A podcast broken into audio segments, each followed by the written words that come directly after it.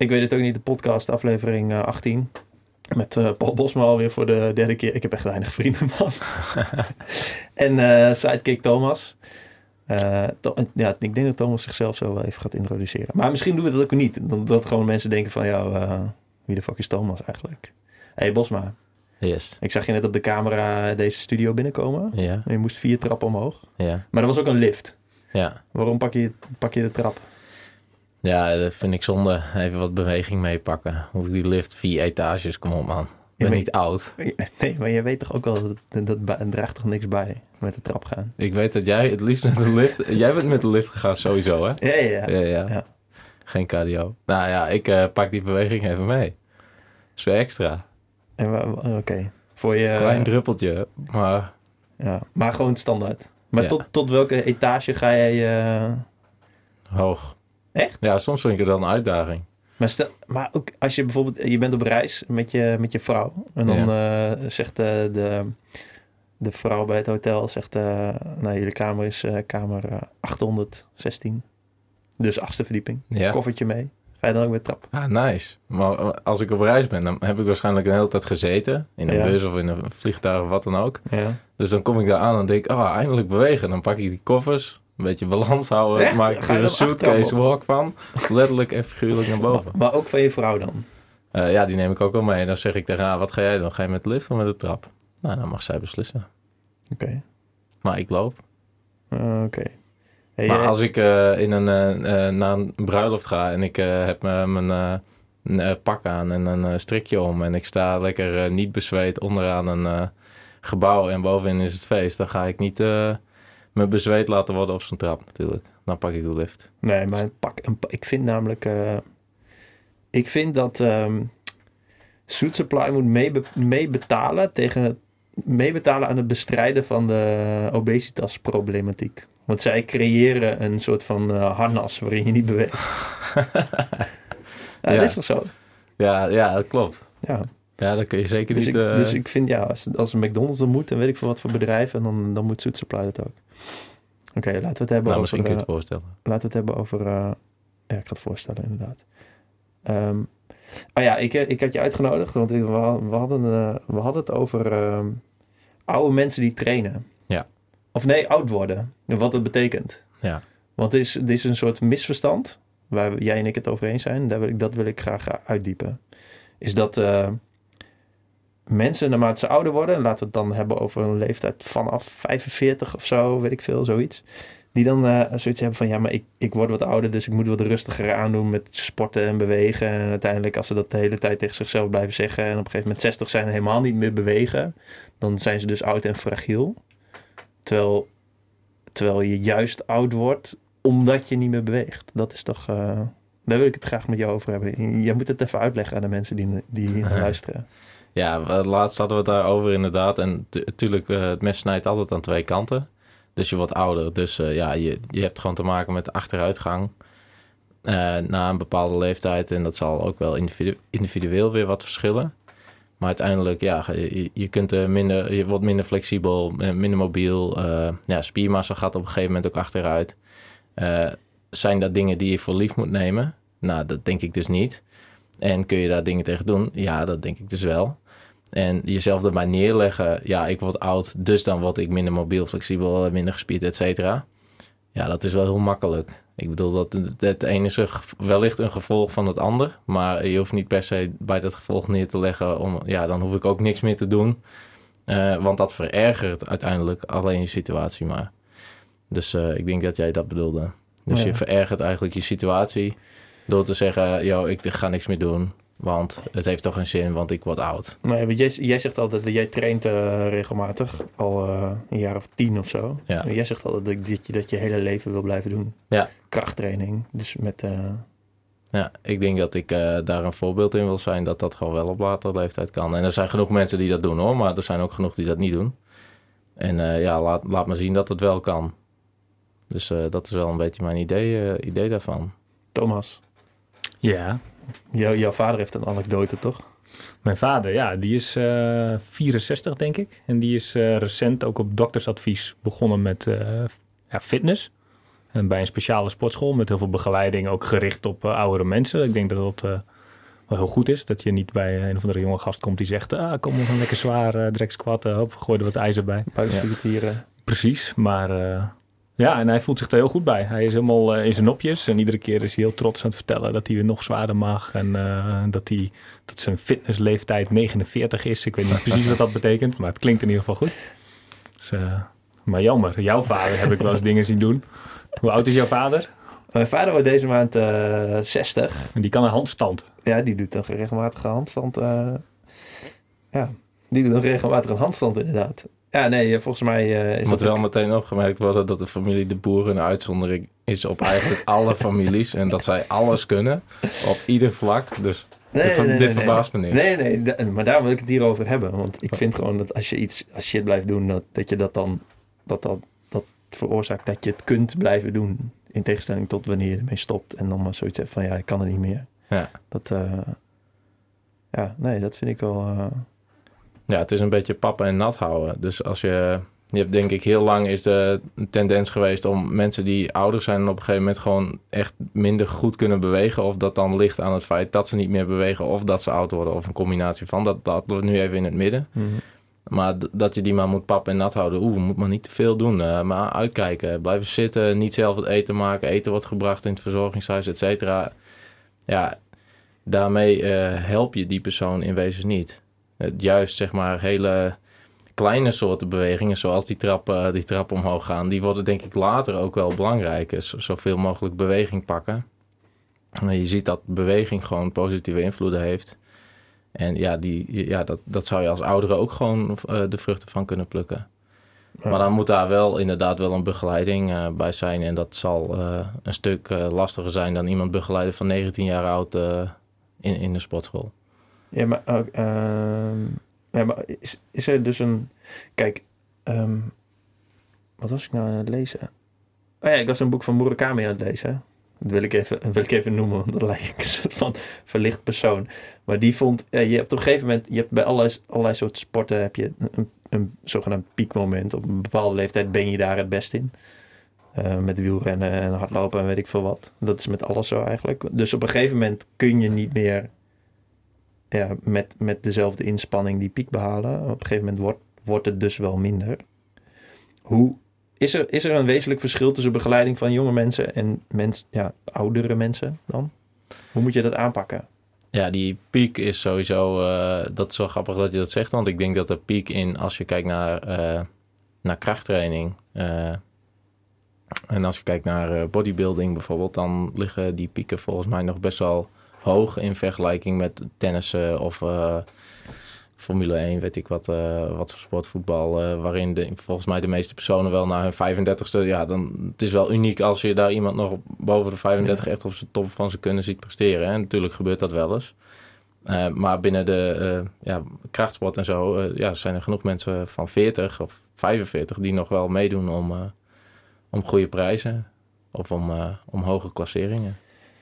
Okay, dus... dus die piek ligt sowieso denk ik wat verder. Het, omdat het waarschijnlijk minder afhankelijk is van uh, uh, heel veel modaliteiten binnen training. Zoals snelheid, uh, explosiviteit, et cetera. Uithoudingsvermogen. Dat, ja, dat is in die sport minder nodig dan in andere sporten. En dat zal waarschijnlijk gewoon eerder een deuk oplopen naarmate je leeftijd vordert. Dan bijvoorbeeld kracht of bij bodybuilding, ja, hoe je eruit ziet. Uh, dus ja, precies. Veelheid spiermassa. Oké, okay, hey, goed dat je het aanstipt. Want daar wilden we het natuurlijk ook nog over hebben, over de term bodybuilding. Je hebt daar een mening over, toch? Ja, ja daar heb ik wel een mening over. Ja, ik denk... Uh, nou, mijn, mijn mening uh, daarin is dat we die termen eigenlijk altijd mijden. Omdat iedereen, zodra hij het woord bodybuilding hoort, ziet hij zo'n plaatje van een geoliede, gebruikende... Uh, kale, gigantische gasten of, of een vrouw met uh, spleet tussen haar tanden en uh, enorme kaaklijnen en dergelijke. En dat heb ik zelf ook wel hoor, als ik het woord hoor. Maar uiteindelijk is als wij doen aan krachttraining en we zijn bezig met onze lichaamssamenstelling te veranderen door middel van krachttraining en voeding, dan ben je eigenlijk een bodybuilder. Ja. En dus als iemand uh, ouder is, of uh, jouw vader bijvoorbeeld, uh, die is eigenlijk nu ook aan het bodybuilden. Zo zou je dat kunnen noemen. Ja, maar dan denk ik, kijk, ik denk bij bodybuilden als het um, om esthetische spiergroei gaat. Want dan snap ik wel dat je eigenlijk altijd, als je met je lichaam bezig bent, aan bodybuilding doet. Maar dan wordt die wel heel breed, zeg maar. Ja, het is Letterlijk wel met een esthetisch eh, karakter, ja. ja. Dat ben ik wel met je eens hoor. Dus zodra Ja. het zeg maar om, om esthetiek gaat, dan, dan zou je het bodybuilding kunnen noemen. Maar waar ligt, waar ligt dan de grens als we het net hebben over oh ja, als je ouder wordt, maar dan ja, wel fit wil zijn en, en weet ik veel, flexibel en vitaal. En hoe, hoe heeft dat overlap met, met bodybuilding? Ja, het doel is dan, eh, het doel verschuift. Dus het doel is niet hoe, eh, ik wil er zo goed mogelijk uitzien. Maar de tool die je inzet, krachttraining, die is wel hetzelfde. En die zet je waarschijnlijk wel op veel vlakken op dezelfde manier in. Dus je wilt je k- kracht verbeteren, je wilt spieruithoudingsvermogen wellicht verbeteren, je wilt spiermassa eh, vergroten of in ieder geval eh spiermassaverlies eh, beperken. Omdat, eh, zoals ik net al zei, dat, dat treedt op een gegeven moment treedt dat op. Als je een dwarsdoorsnede maakt van het bovenbeen van een, een eh 30-jarige vrouw en een 70-jarige vrouw, dan kan de omvang hetzelfde zijn, maar de eh, samenstelling eh, is verschoven naar meer vet, minder spier. En eh, nou ja, is dat erg? Nou ja, op een bepaald punt is dat wel erg, omdat je dan ook functie verliest. Dus je gaat daardoor eh, minder goed bewegen, waardoor je weer minder gaat bewegen. Ja, dat is een beetje een visieus cirkeltje wat, eh, wat je naar beneden zuigt.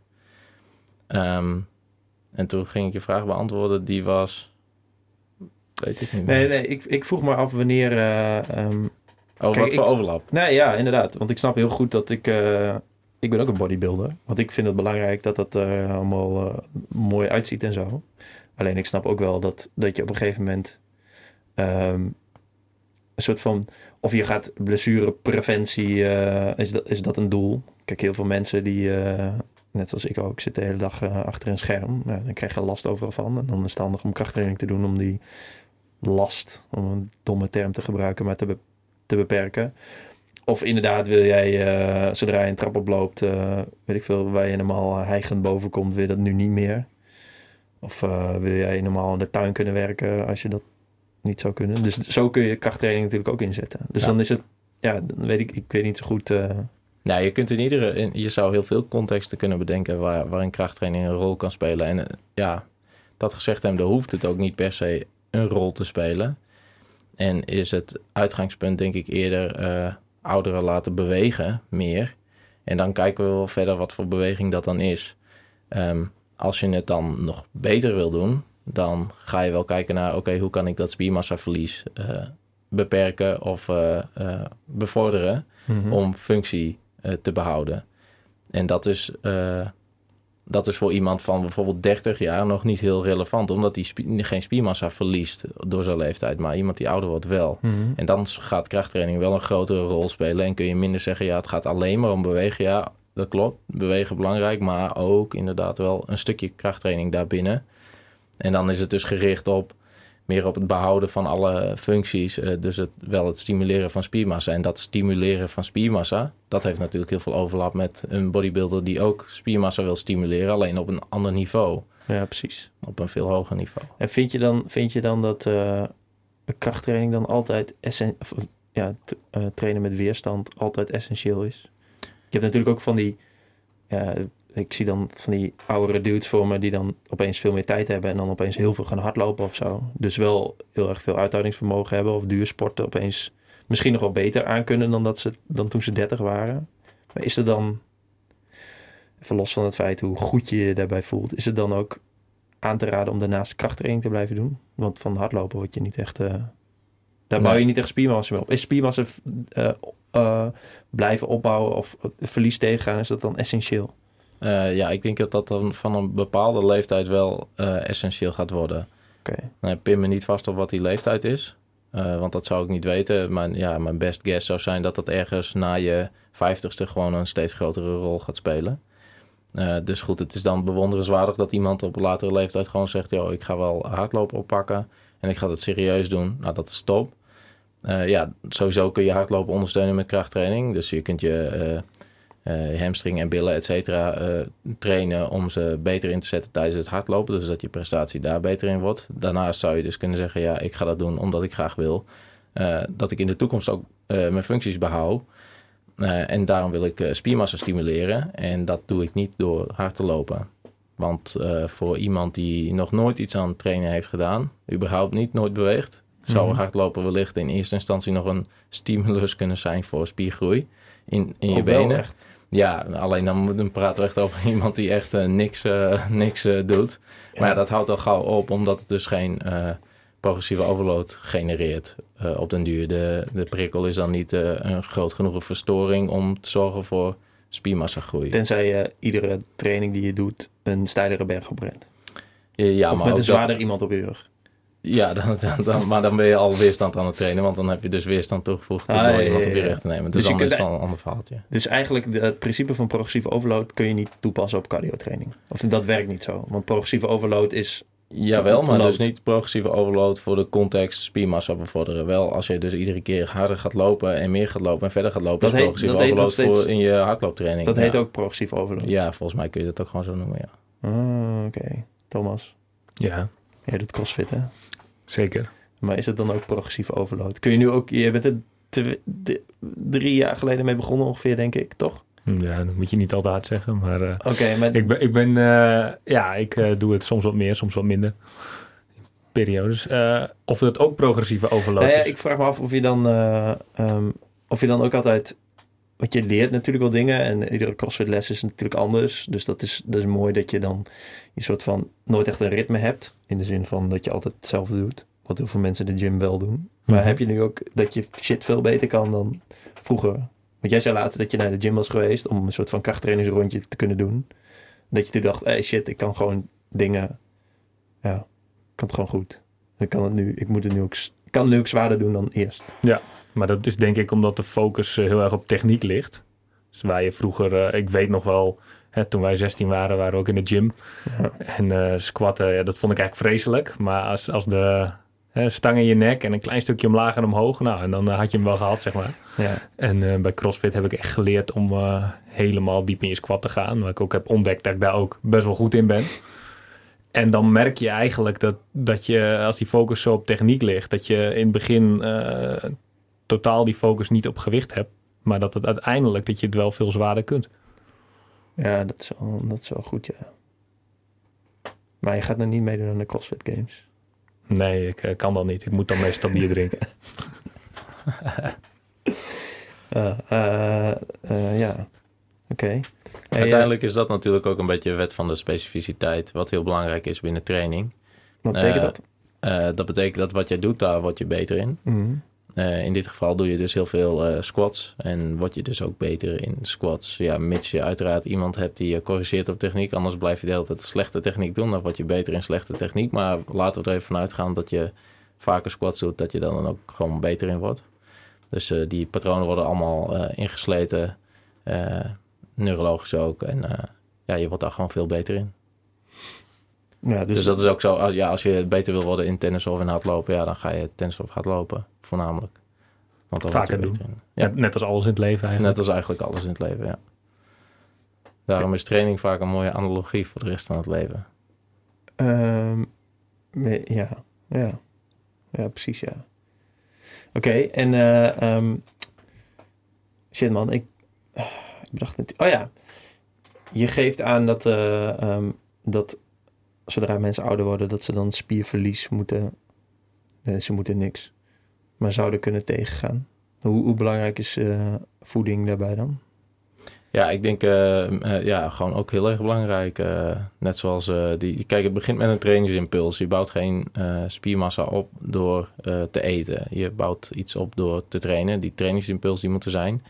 En die zou je dan ondertussen wel moeten ondersteunen met de juiste voeding. In dat geval dus voornamelijk eiwitten, omdat dat de bouwstenen zijn voor spiermassa. Eh, nou zijn er in de afgelopen periode eh, meerdere adviezen geweest, ook vanuit eh, volgens mij de Gezondheidsraad, eh, over de eiwitinname bij ouderen. Dat die omhoog moet gaan.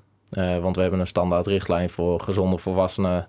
Eh, nou ja, die is 0,8 gram per kilogram lichaamsgewicht. En voor ouderen zou het dan verhoogd moeten zijn om ook die spiermassa tegen te gaan. Ja, precies. En in fact, eh, je hebt eh, creatine, wat een supplement is wat wij wel gebruiken voor de groei van spiermassa. Dat is een bijeffect van creatine. Dat wordt ook ingezet in interventies bij ouderen om spiermassaverlies tegen te gaan of spiermassa te bevorderen. Wat dat is maar welke kant dat op Wat gaat. bedoel jij voor de, voor de niet echt goed geïnformeerde luisteraar met interventies? Eh, interventie is een ingreep. Zeg maar. En eh, in, in, een onderzoek eh, worden er dan... je- Want ik zie wel eens jouw scherm openstaan en jij bent de hele tijd onderzoek aan het lezen. Hmm. En waarin je dus de hele tijd doe je, doe je dat. ja, de hele tijd. En ze in Evernote aan het zetten, zodat je het heel makkelijk terug kan vinden. Juist. Maar, maar ehm, en wat jij bedoelt is dus dat er, dat er onderzoeken gedaan worden welke, welke interventie dus ingreep bij ouderen effect heeft of positief effect heeft. Ja, ja, en daar worden ook eh, bijvoorbeeld, eh, dat wordt dus een eiwitrijk voedingspatroon aangehouden, maar er worden ook testen gedaan met creatine. En die zijn best wel positief. En aangezien creatine weinig nadelen heeft, eh, mits je nieren gewoon goed functioneren. Dus dat is dan, ja goed, nou, als je ouder wordt zijn er ook wel, wel eens organen die minder goed eh, mee willen werken. Dus dat is dan wel een dingetje. En dat is net als met het trainen. Thomas net zegt dat je dus beter eh, begeleiding moet hebben. Ja, dat is bij voeding dan ook zo. Je, moet- je moet gewoon opletten. Kan iemand creatine innemen? Ja, dat moet je wel checken. Dat moet je wellicht overleggen met een dokter of zo. Ja, maar je, je creatine, kijk, ik neem het ook. Maar ik bedoel, het is voor... Maar is het dan handiger om sneller resultaten te behalen? Of wat bedoel je ermee? Nou, het is denk ik een mooie ondersteuning, een soort van mooie verzekering dat je in ieder geval die dingen doet die eh, bijdragen aan het, aan het behoud van je spiermassa en het tegengaan van verlies door veroudering. Dus als je alleen al, laten we even hypothetisch, als je alleen al je spiermassaverlies kunt beperken door eh, voldoende eiwitten in te nemen, meer dan de normale richtlijn en creatine, Mhm. ja, dan heb je al een slag gewonnen. Want daar hoef je nog niet voor te bewegen op dat moment. Je houdt oké, ja. tegen. Dus dat is En- stap 1. Ja, want uiteindelijk is je, je doel dus dat je die functies eh, bewaart. Dat je, Ja, dat je Kijk, kan je- blijven bewegen. ja, dat Dus je kan blijven bewegen. Ja, ja, en dat is... Tuurlijk moet je daar ook voor blijven bewegen. Maar er zijn ook... eh, eh, zoals het verlies van spiermassa heeft daar wel een impact op. Mhm. En je ziet dat als iemand dus lange tijd bedlegerig is... Ja, dan gaat, gaat heel veel functies heel snel achteruit. Omdat spiermassa verloren gaat. Dus tegenwoordig als iemand lang in een ziekenhuis is... eh, gaan ze ook eh, benen bewegen, armen bewegen, et cetera. Om maar wel zeg maar, een stimulus te geven... zodat die spieren zichzelf niet... eh, dat dat niet verkleind wordt. Want dat is uiteindelijk dus je doel. Je wilt functie behouden naarmate je ouder wordt, binnen de mogelijkheden die je hebt. En tuurlijk is Mhm. dat niet hetzelfde als een 20-jarige, maar je kunt wel dingen doen om verliezen te beperken. En ik denk dat dat op dit moment gewoon heel weinig gebeurt. Als ik om me heen kijk, dan zie ik maar heel weinig ouderen die daar echt heel bewust mee bezig willen zijn en, eh, en die daar goed in begeleid kunnen worden. Ja, maar het, is een beetje... ehm, hoe zeg je dat? Omdat het, het gaat heel geleidelijk natuurlijk. Dus het is, je hebt niet... Je ziet niet direct een eh, resultaat. Ik denk dat het nog, misschien nog wel moeilijker is dan als je jong bent en een soort van eh fysiek resultaat wil behalen. Omdat je dan heel... Ja, ik wil het woord aftakelen niet gebruiken. Maar het gaat heel langzaam. Dus je ziet helemaal niet snel het effect van je interventie. Nee, Toch? nee, nee dat klopt. Dat is het lastige. Dan denken mensen, oh, ik blijf wel een beetje fietsen en dan eh kom ik Ja, goed. Dan is het wel goed, ja. Ja. Ja, en eh, weet je, ik denk ook dat er heel veel ligt. eh, je, je kijkt naar anderen om je heen. Eh, dus als je, stel je bent 60 jaar, nou je denkt, nou, het gaat allemaal wel wat stroef en, eh, en moeilijk en ik kom niet meer zo goed eh, op, op gang. Ja, ik kijk omheen dat eigenlijk iedereen van mijn leeftijd, ah, dat hoort er eigenlijk wel wat bij. Hè? Ja, Mhm. nou, dat hoort erbij. Nou, dan accepteer ik dat en dan ga ik door. Maar is er wel eens iemand die dat niet doet? En hoe voelt hij zich? En hoe ziet hij eruit? En hoe gaat hij door het leven? Nou, misschien zit daar wel heel veel rek in. En Mhm. is er nog wel heel veel winst te behalen. En misschien had je dat wel eerder moeten doen. En moet je niet op je zestigste bedenken... hé, hey, ik ga nu wat doen om alles te, te fixen. Ben, ben je dan misschien niet al wat aan de late kant? Ja, vroeg beginnen is sowieso eh, verstandig. Eh, Maar ja. Want als jij op je...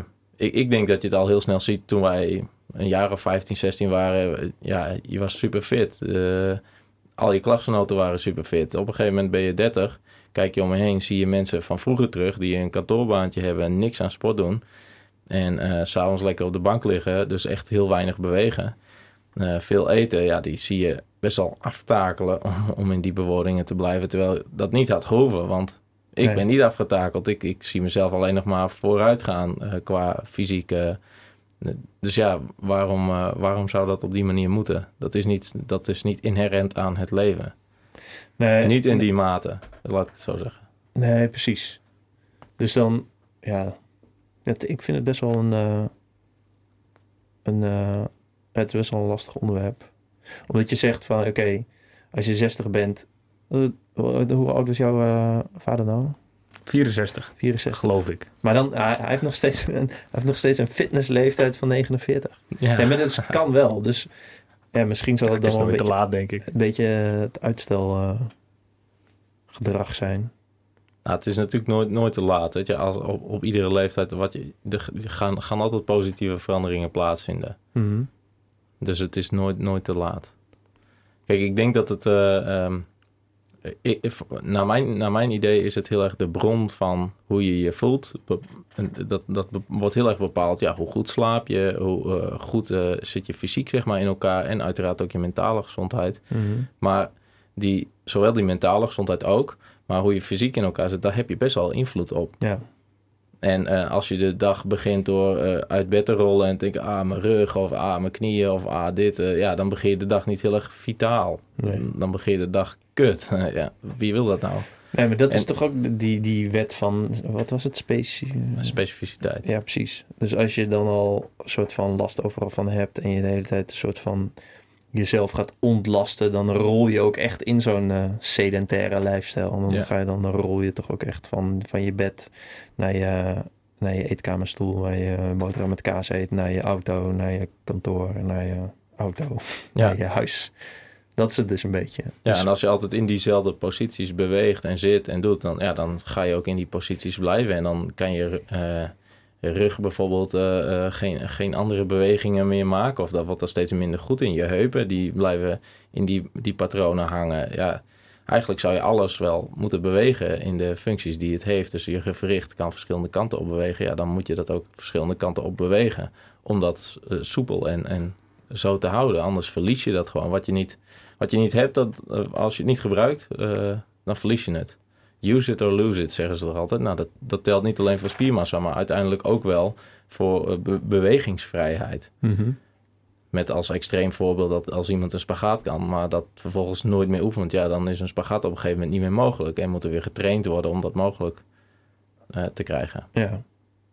En is dan... eh, ik, kan, ik kan me best voorstellen dat er mensen luisteren en denken van... Ja, maar dat, dat domme krachttraining, daar heb ik helemaal geen zin in. Is het... Is het ehm, we hadden het er net al kort over. Is het van belang om, om dat zo te doen?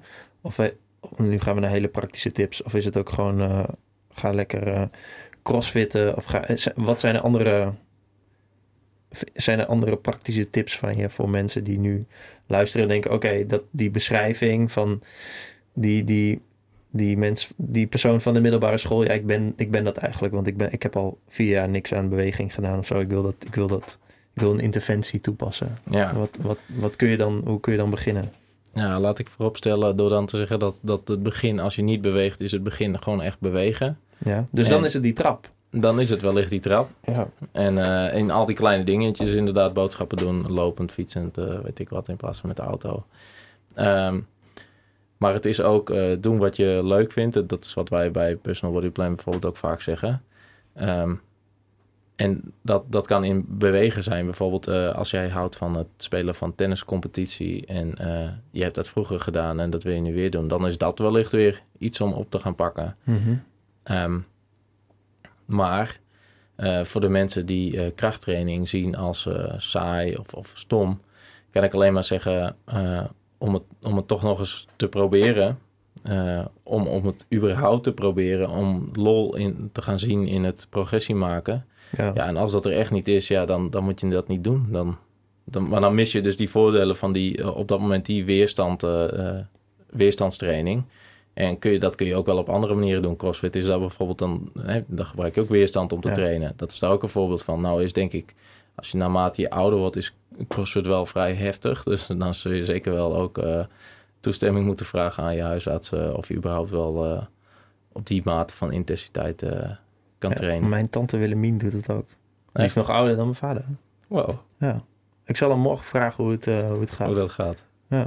Ja, sowieso natuurlijk bij, bij echt eh, eh, oudere mensen boven 50 moeten vaak, er wordt heel voorzichtig mee omgegaan. Die moeten vaak toestemming hebben van, van een huisarts om überhaupt iets, iets te mogen doen aan beweging. Mhm. Best wel extreem, zeker als je naar Amerikaanse richtlijnen gaat, dan is dat echt heel, heel extreem geregeld. Dat je bijna denkt, als er iemand op straat eh, eh, voorbij eh, rent met een zak geld en een bivakmuts op.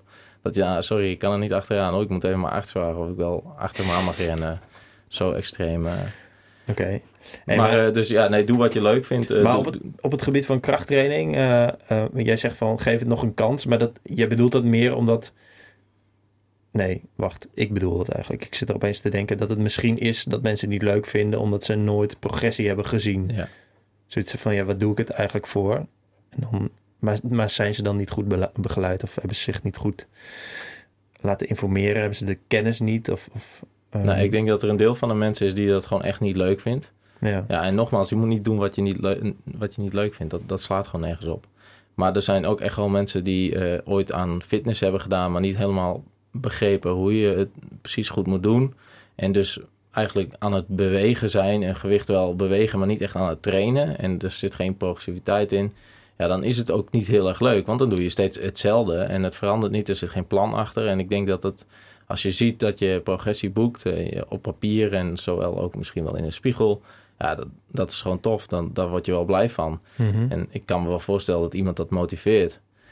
En ja, in, eh, tuurlijk, ik ga ook liever een, een week snowboarden dan een week trainen als ik moet kiezen. Maar ja, zo werkt het niet. Eh, daar word ik niet eh gespierder van. Eh, dus ja, en daar behoud ik mijn functies niet mee om even in deze, in, in deze trant zeg maar te blijven. Dus ik weet gewoon dat het ergens eh, later ook zich uit gaat betalen in meer functiebehoud waarschijnlijk. Ja. dat heeft ook te maken met hoe, hoe zit je in elkaar, ga je, heb je blessures, et cetera. Eh, ja, dat, dat, dat kun je natuurlijk niet beïnvloeden. Niet zo sterk. Ehm, dus goed, eh, ik denk dat dat mijn, eh, dat mijn eh, advies dan zou zijn. Dus vind, vind iemand die er verstand van heeft, eh vind de begeleiding om, om het op die manier wel goed aan te pakken. En anders, Mhm. Ben je zelf bang om oud te worden? nou, ik vind oud worden wel een, een naar pro- proces. Ja, ik vind dat wel vervelend. Die rimpels en, en haarverlies, et cetera. Dat hoeft voor mij allemaal niet. Ja, nee, dat hoeft voor mij ook niet. Dus, maar eh, vier je verjaardag?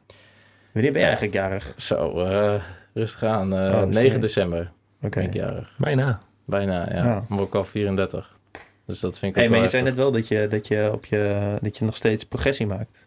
Ja, zeker. Ja. Op welke manier? Want ehm, misschien dat als de mensen nu luisteren en denken van... Oké, eh, Paul Bosma, die, eh, ik denk dat je ook op je 18 of zo begonnen bent met eh, in de gym hangen. Ja, ergens volgens mij mijn 21 of zo.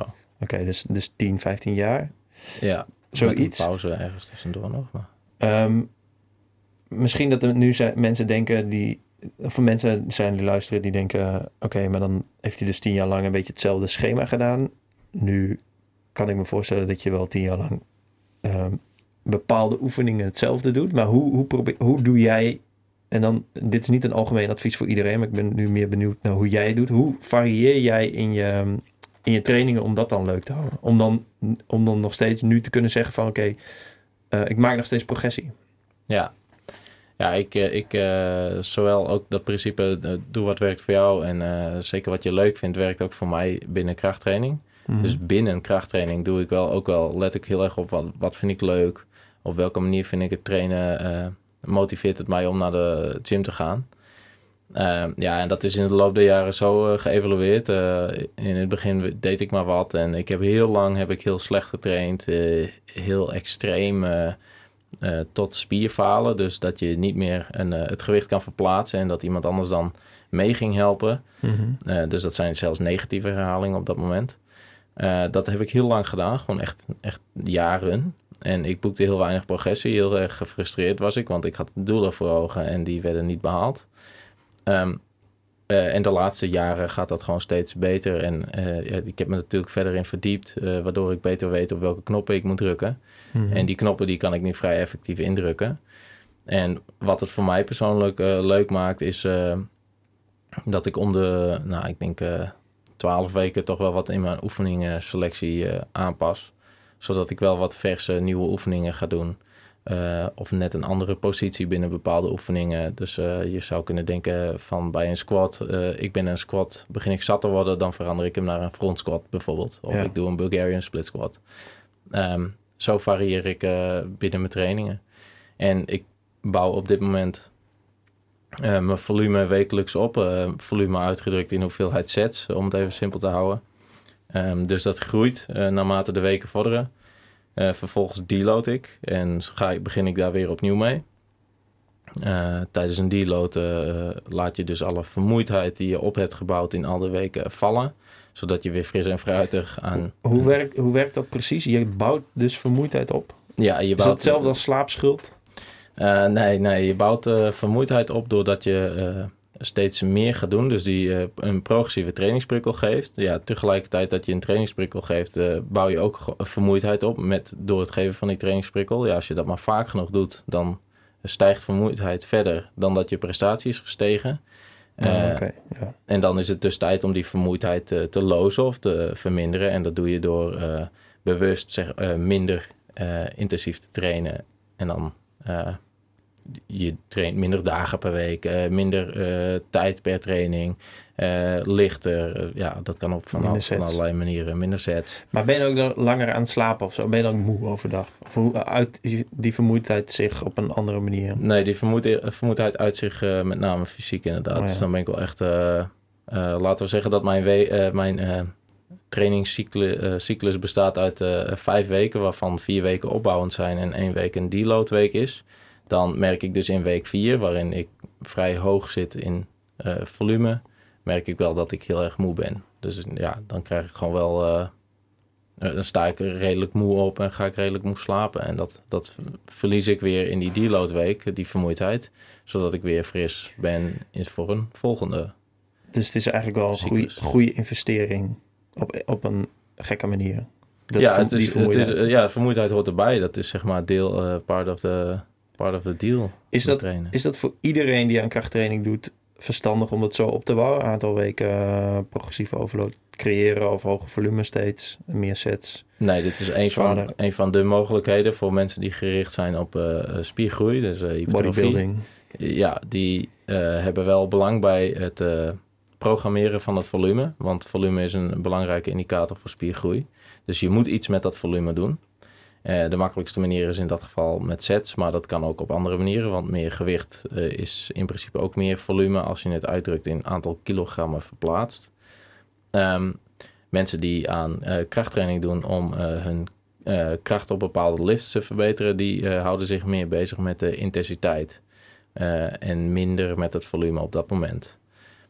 dus die hebben weer de ground scheme van je trainingsschema, je periodisering, zoals je dat zou kunnen noemen dat is anders voor iemand die gericht is op spiergroei dan voor iemand die uh, gericht is op kracht. Daar zitten nuanceverschillen in. Mm En um, uh, dus voor iemand die uh, aan krachttraining zou, zou, willen doen, die ouder is en denkt van, joh, ik wil mezelf wel met de best mogelijke wapens ouderdom te lijf gaan, als het ware. Um, ja, die zou waarschijnlijk een combinatie van kunnen doen wat, wat leuker is. Het, het, het, gaat een, het gaat er in dat geval minder om dat alle puntjes op de i worden gezet. Het gaat erom dat er wat een krachttraining is en dat het progressief is. En uh, waarschijnlijk uh, uitzicht dat dan in het behoud van spiermassa. Oké, maar als je, als je um, ouder wordt en dus spiermassa verliest, maar wel altijd dezelfde training blijft doen, dan is het dus in principe ook progressief overload. Toch? Ja, ja, zo zou je dat kunnen zeggen. Maar ik denk niet dat het zo snel gaat, uh, zo snel achteruit gaat. Het moet wel heel snel achteruit gaan. Wil dat echt dan progressief dus zijn de andere kant op ja. uh, gedacht.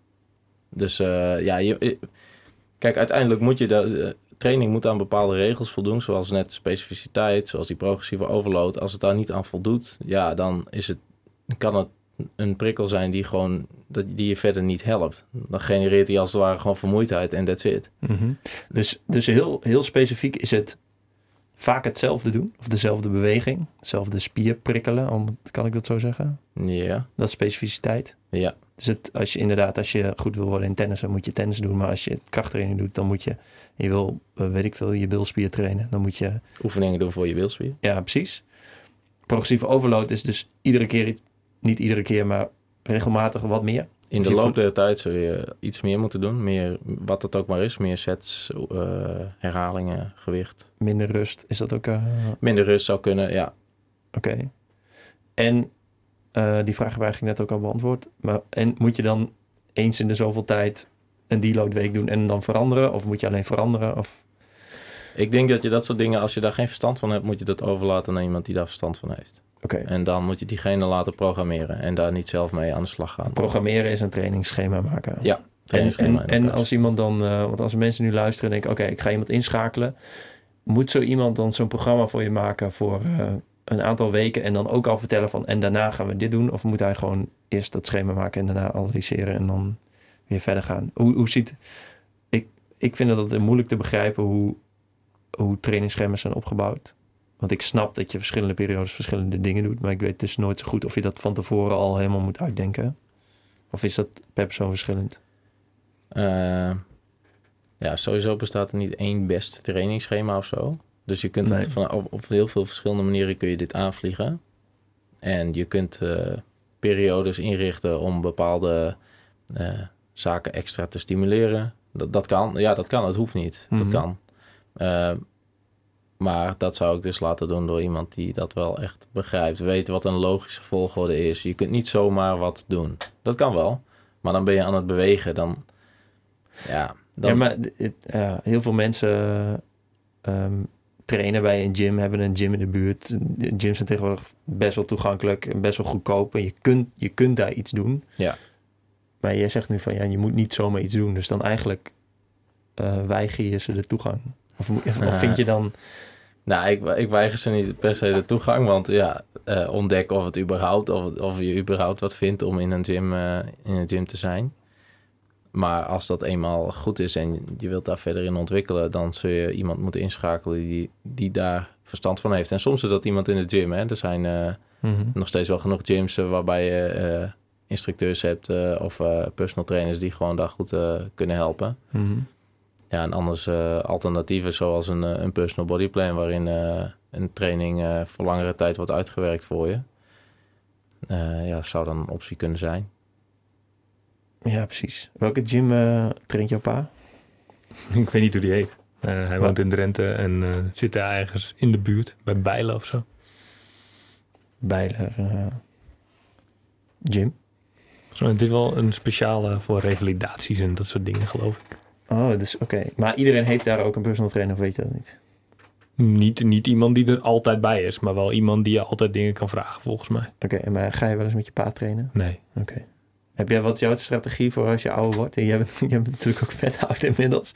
Thomas Nou, is 32. Ik ben 32. Nou, ik, ik vond het interessant. Ik zat net te luisteren en jij zegt dat je je hele leven wil blijven trainen.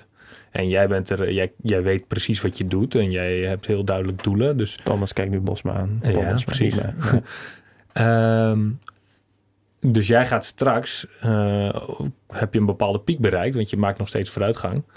En dan ga je merken van, hé, hey, ik blijf hetzelfde doen, maar toch kan ik steeds minder bankdrukken of wat dan ook. Terwijl, ik moet eerlijk zeggen, kijk, ik, voor mij is het een minder belangrijk stuk van mijn leven. Ik doe het, ik vind het leuk. Ik moet eerlijk zeggen dat het ook zo, ik voel me vooral slecht als ik het niet doe.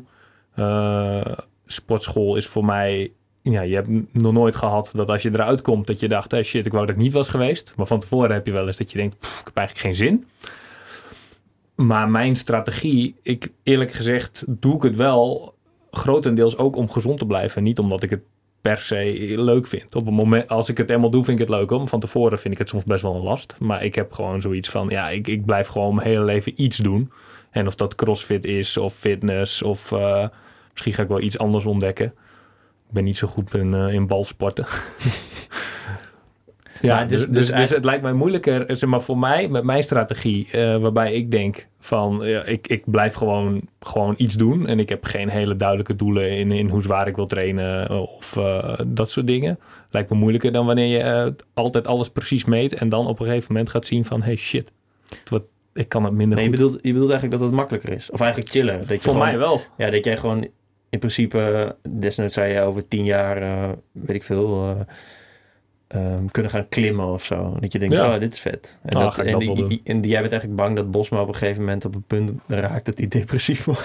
dat het allemaal niet meer lukt. Ja, maar ik kan me voorstellen, als je, kijk, voor mij heel simpel gezegd is bijna het doel van twee of drie keer in de week gaan. En dan weet ik eh, dat ik me ter plekke eh, een beetje druk moet maken. En dan, nou, dan vind ik het wel weer goed. Ja, maar je, je zorgt wel dat je... Je doet wel een vorm van krachttraining inderdaad.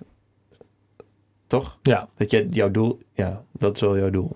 Twee, keer, twee tot drie keer in de week. Ja. Ik denk dat het doel is van heel Nederland, man. Ik, Ja. eh, Volgens mij heeft iedereen ooit wel een keer gezegd... Ja, ik probeer twee tot drie keer in de week te gaan. Ja, maar het is ook wel met sommige dingen. Kijk, jij zegt ook, ja, ik vind het niet heel erg leuk. En ik, ik ga echt niet, ik sta echt niet iedere keer te popelen om naar de sportschool te gaan. Maar ik vind het dan ook wel mooi dat je zegt van, ja, als ik eh, eh, naar buiten stap, dan voel ik me eigenlijk altijd wel goed. En heb ik nooit het idee, nou, dit had ik niet moeten doen. Of dit heeft niet bijgedragen aan, aan mijn leven of zo. Ehm, daarnaast, oh, weet je, tandenpoetsen. Vond ik vroeger ook geen zak aan. Eh, dat doe ik nu ook vier minuten, twee keer per dag. Dat Ja, komt jij omdat doet ik het me- vier minuten, even tussendoor. Ja. wat? Vier Dat, minuten? zo- dat is serieus een belangrijke tip. Want eh, ik heb dat even met de tandarts overlegd. En die zegt, ja, wij zeggen eigenlijk twee minuten is de richtlijn. Jij overlegt ook met de tandarts. Ja, ja, gesproken zegt een tandarts iets, iets en dan doe je dat. Maar je Ja, ik wel, had gewoon witte interactie tanden, zie met ik mijn tandarts. Nou, redelijk hoor. Gaat ook wel achteruit. Maar eh, nee, maar de tandarts geeft aan, eh, we zeggen twee minuten. Dat is de richtlijn. Dat is een beetje hetzelfde als twee ons groenten per dag.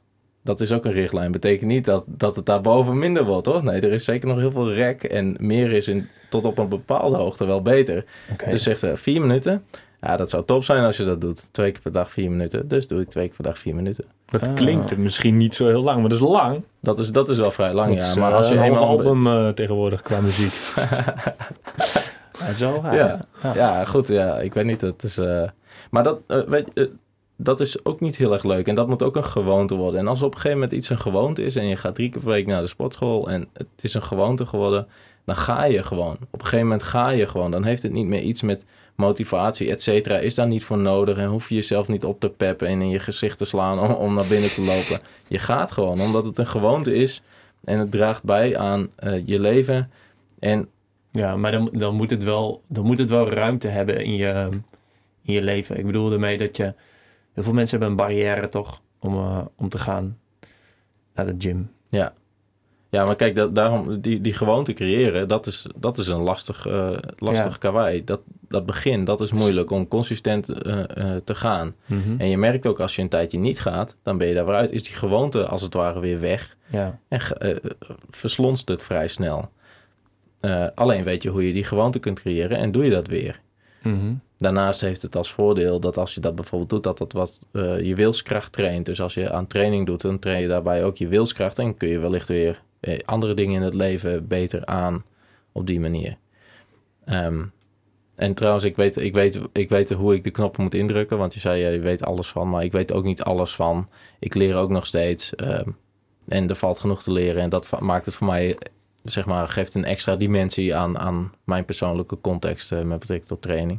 Dat ik dus nog heel veel dingen wil leren en wil weten en wil begrijpen. En andere mensen daar wellicht over wil adviseren. Dus Mhm. dat, eh, Maar je begon je verhaal met... eh, of was dat verhaal van dat je met je tanden poetsen en je gewoontes... en je wilde gewoon vertellen dat, dat training een gewoonte moet worden. ja, omdat Thomas ook zei van ja, het, ik, ik ga het liefst zeg maar twee, drie keer per week. En eh, als dat dus een gewoonte is geworden, dan Ja. blijf je waarschijnlijk. Dat ook Thomas, heb jij, heb, jij dan, eh, heb jij dan vaste dagen of zo? Of, of eh, kom je langs de gym als je naar je werk gaat? Of hoe zit dat? Of moet jij iedere keer wel een soort van beslissing nemen? Oké, nu ga ik. Ik moet wel iedere keer die beslissing nemen, ja. Omdat Dus- dus ik- vaste dagen zou handiger zijn. Maar omdat er ook heel veel dingen, afspraken en weet ik veel wat, toch niet op vaste dagen is.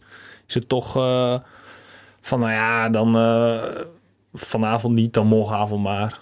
Eh, voor mij is vrijdag, ga ik wel bijna altijd. Maar soms eh, ben ik weer iets anders aan het doen en dan ga ik niet. Dus eh, dat, dat, ik, ik denk dat ik mensen wel zou aanraden om vaste dagen te pakken. Maar het, mij lukt het niet. Eh, Oké. Oké. Ja, dat zou op- op zich. eh, ja, dat hangt natuurlijk van je levensstijl inderdaad af. En het- is denk ik in het begin handig om het op dezelfde da- eh, dagen te doen, dezelfde tijdstippen, zodat dat patroon erin kan slijten, zodat het echt een gewoonte wordt. Zodat je niet de neiging hebt. Nou, deze week, eh, ik begin. Deze week ga ik eh, maandag en woensdag en vrijdag. Ah, volgende week, ja, dat wordt lastig. Ah, dan ga ik even dinsdag en zondag. En dan Mhm. slijt het er waarschijnlijk nog niet in. Daar kun je later wel een beetje mee Ja. goochelen, maar Voor sommige men- mensen zou het werken, maar ik denk inderdaad voor de meeste mensen nee. niet. Nee, het is net als weer met tandenpoetsen. Je gaat ook niet opeens om drie uur 's middags tanden poetsen in plaats van eh, dus bij het opstaan en bij Nee. het naar, naar bed gaan. Dat, dat kan wel. Ja, ik Want vind het wel een mooie... eh, Mooi. Maar hij, hij is ook wel anders. Wat zeg Om- je? omdat je, ik zag toevallig vandaag nog zo'n filmpje van zo'n eh, zo'n nieuwe uitvinding. En een soort bitje, helemaal vol met borstels. En die zegt van, nou ja, dan heb je in, eh weet ik veel, vijf of tien seconden je tanden gepoetst. echt, Ja. En dan denk ik, ja, dat is eigenlijk ook logisch, toch? Want je, je, je haalt je borstel, eh, zeg maar, een paar seconden langs die tand, een paar seconden langs die Ja. tand. Maar in principe zou dat allemaal tegelijk even snel kunnen. En tandenpoetsen doe je natuurlijk hè, na het eten, of, maar ook weer niet te snel na het eten. Want dan is het weer niet goed voor je glazuur. Dus daar, daar nog wel iets anders. En trainen kan je 's middags doen, kan je 's ochtends Ja. doen. Ik, ik gok dat het ook goed is voor je om eh, dat af te wisselen. Maar dat weet jij vast beter, Paul.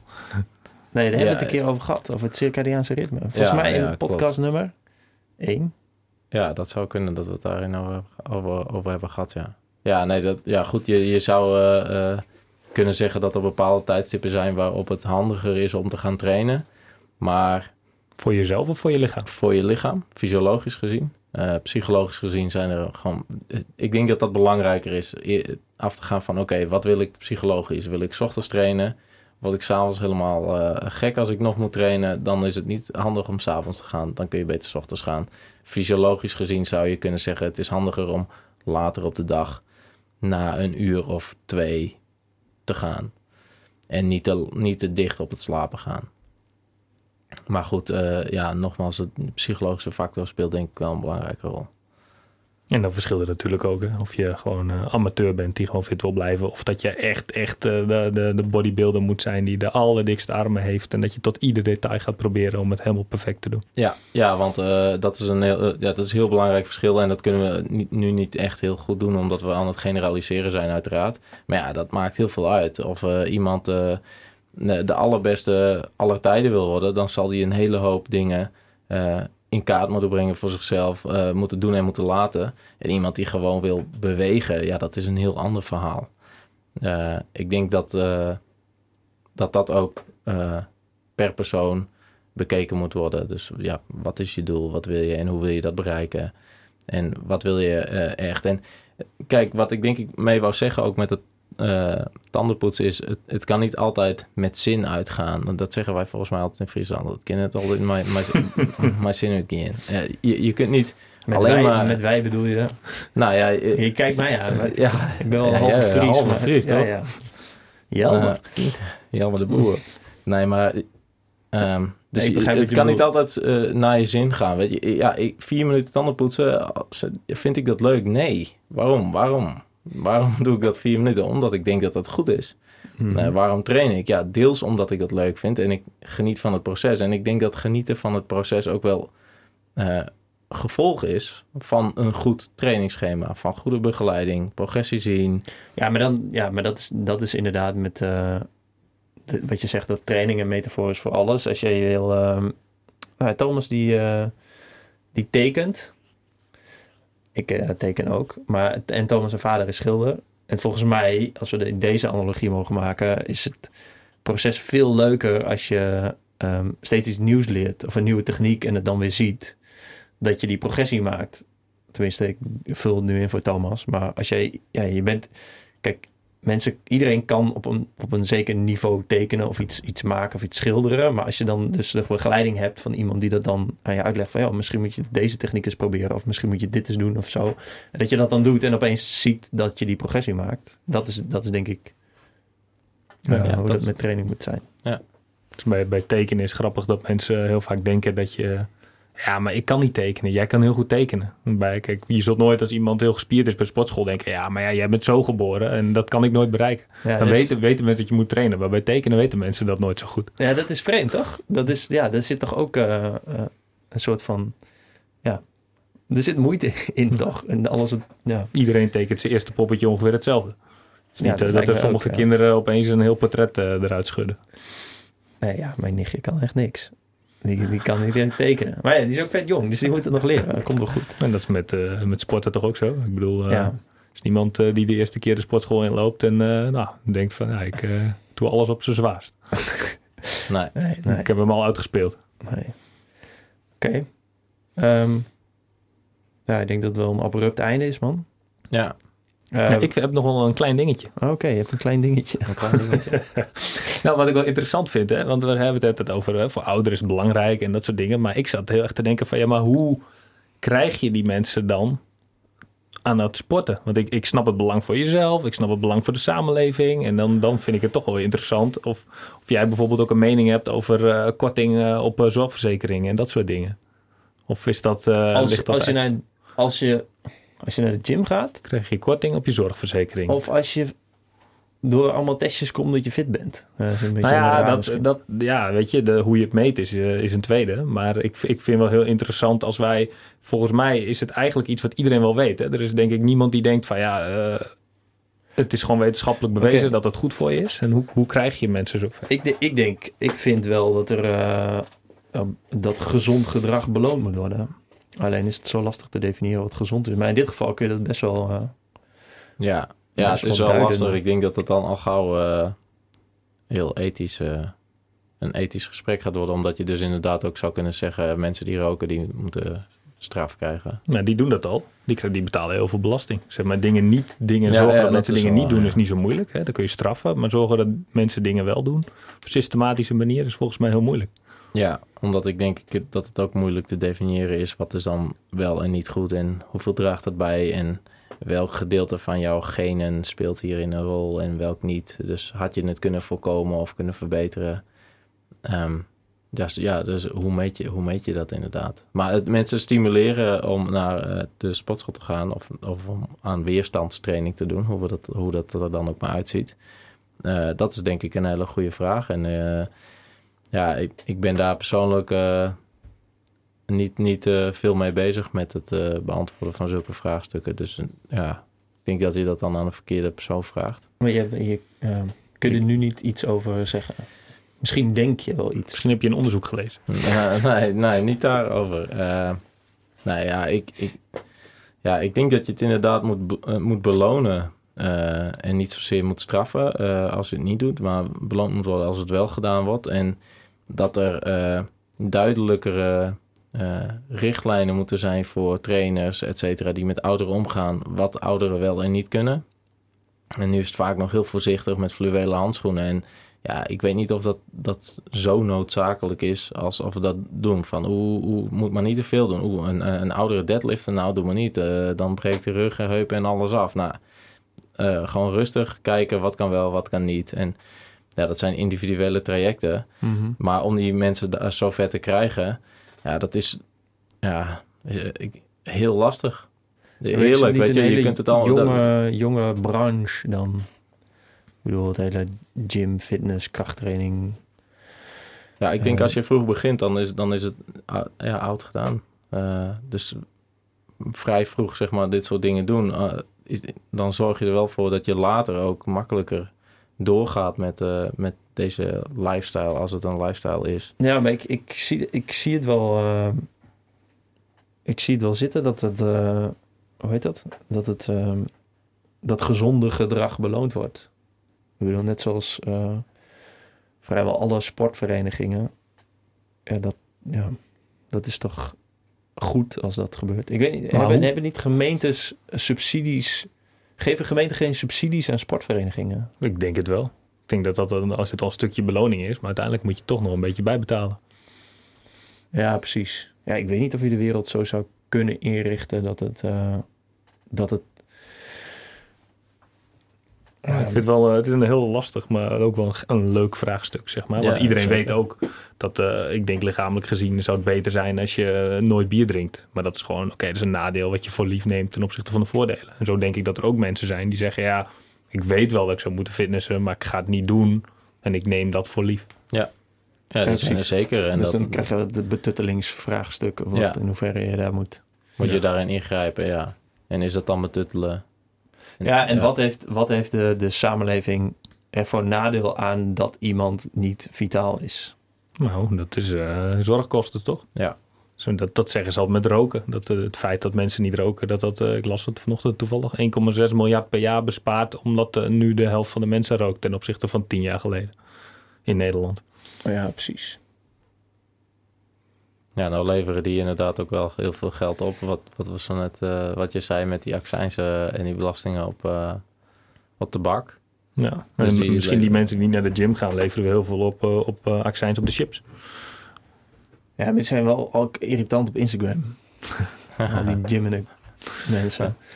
Lastig. Nou, goed. Nee, maar serieus, dat zou een. eh, ik, ik denk dat er heel veel eh, instanties en eh, mensen mee bezig zijn om überhaupt mensen meer te laten bewegen. En, en dat zal een uitdaging laat staan iemand eh, specifiek naar, het, naar de gym te krijgen. Dus Mhm. ja, eh, ik ben wel sceptisch over maar of dat daadwerkelijk gaat gebeuren.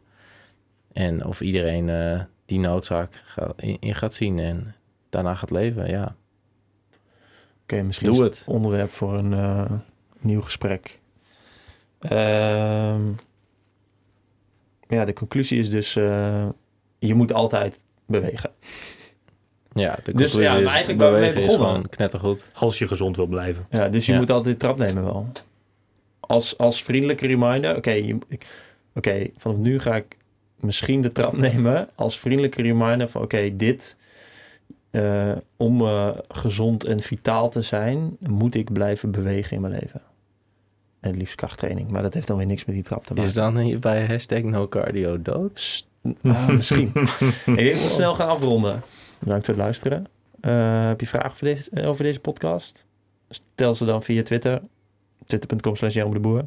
Thomas, eh, wil je reclame maken voor je, Voor mijn eh, tekenen- en voor je schilderactiviteiten. Je illustraties? kunt mij eh, vinden op eh, Instagram, Thomas Kos, T-H-O-M-A-S. En Kos met drie S'en, K-O-S-S-S. Was Omdat- Thomas Kos met twee S'en al eh, bezet? Weet ik niet, maar die is moeilijk, omdat die schaatsen die heette met twee S'en. Dus ik denk dat ik daarom drie gedaan heb. En die met één, die was wel bezet. Ik geloof dat er eentje in Australië is. En eh, er, is tegenwoordig, er zijn in Nederland tegenwoordig ook een paar Thomas Kossen. Ik Ja. heb een keer geprobeerd om... eh, hij staat op LinkedIn. Wat, wat, wat, hij was meteor Ja, fietsenspecialist. ja, ja, dat klopt. Maar dat was weer een andere. Maar dat is niet deze die in de podcast Nee. gedaan is. Media Het fietsenspecialist. leek mij leuk om een keer alle Thomas Kossen op, op Facebook in een gesprek te stoppen.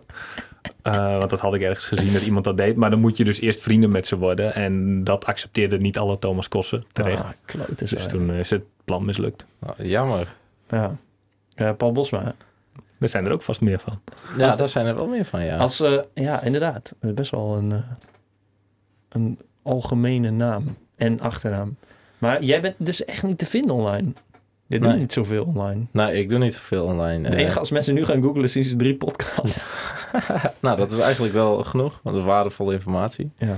Ja, ik doe niet zoveel omdat ik... eh, kijk, als ik iets met Instagram... Ik heb wel een tijdje wat met Instagram gedaan, maar als ik daar... Ik wil daar meteen dan een plan voor hebben en een duidelijke context en een reden waarom ik bepaalde dingen doe en plaats. En als ik dat niet heb, dan geen prioriteit van maak, dan doe ik niks. Dat, dat is een beetje hoe ik in elkaar zit. Dus ik doe iets goed of ik doe het niet. En als ik het... eh, in dit geval is het niet, want ik doe er niet zoveel mee.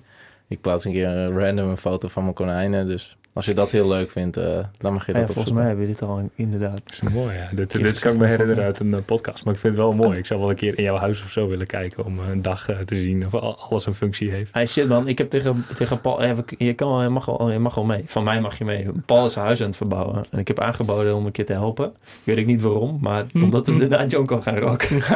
ja, dat was een unieke ervaring. Ja, dat lijkt me mooi om met Paul wat te doen. Oké. Ehm, ja.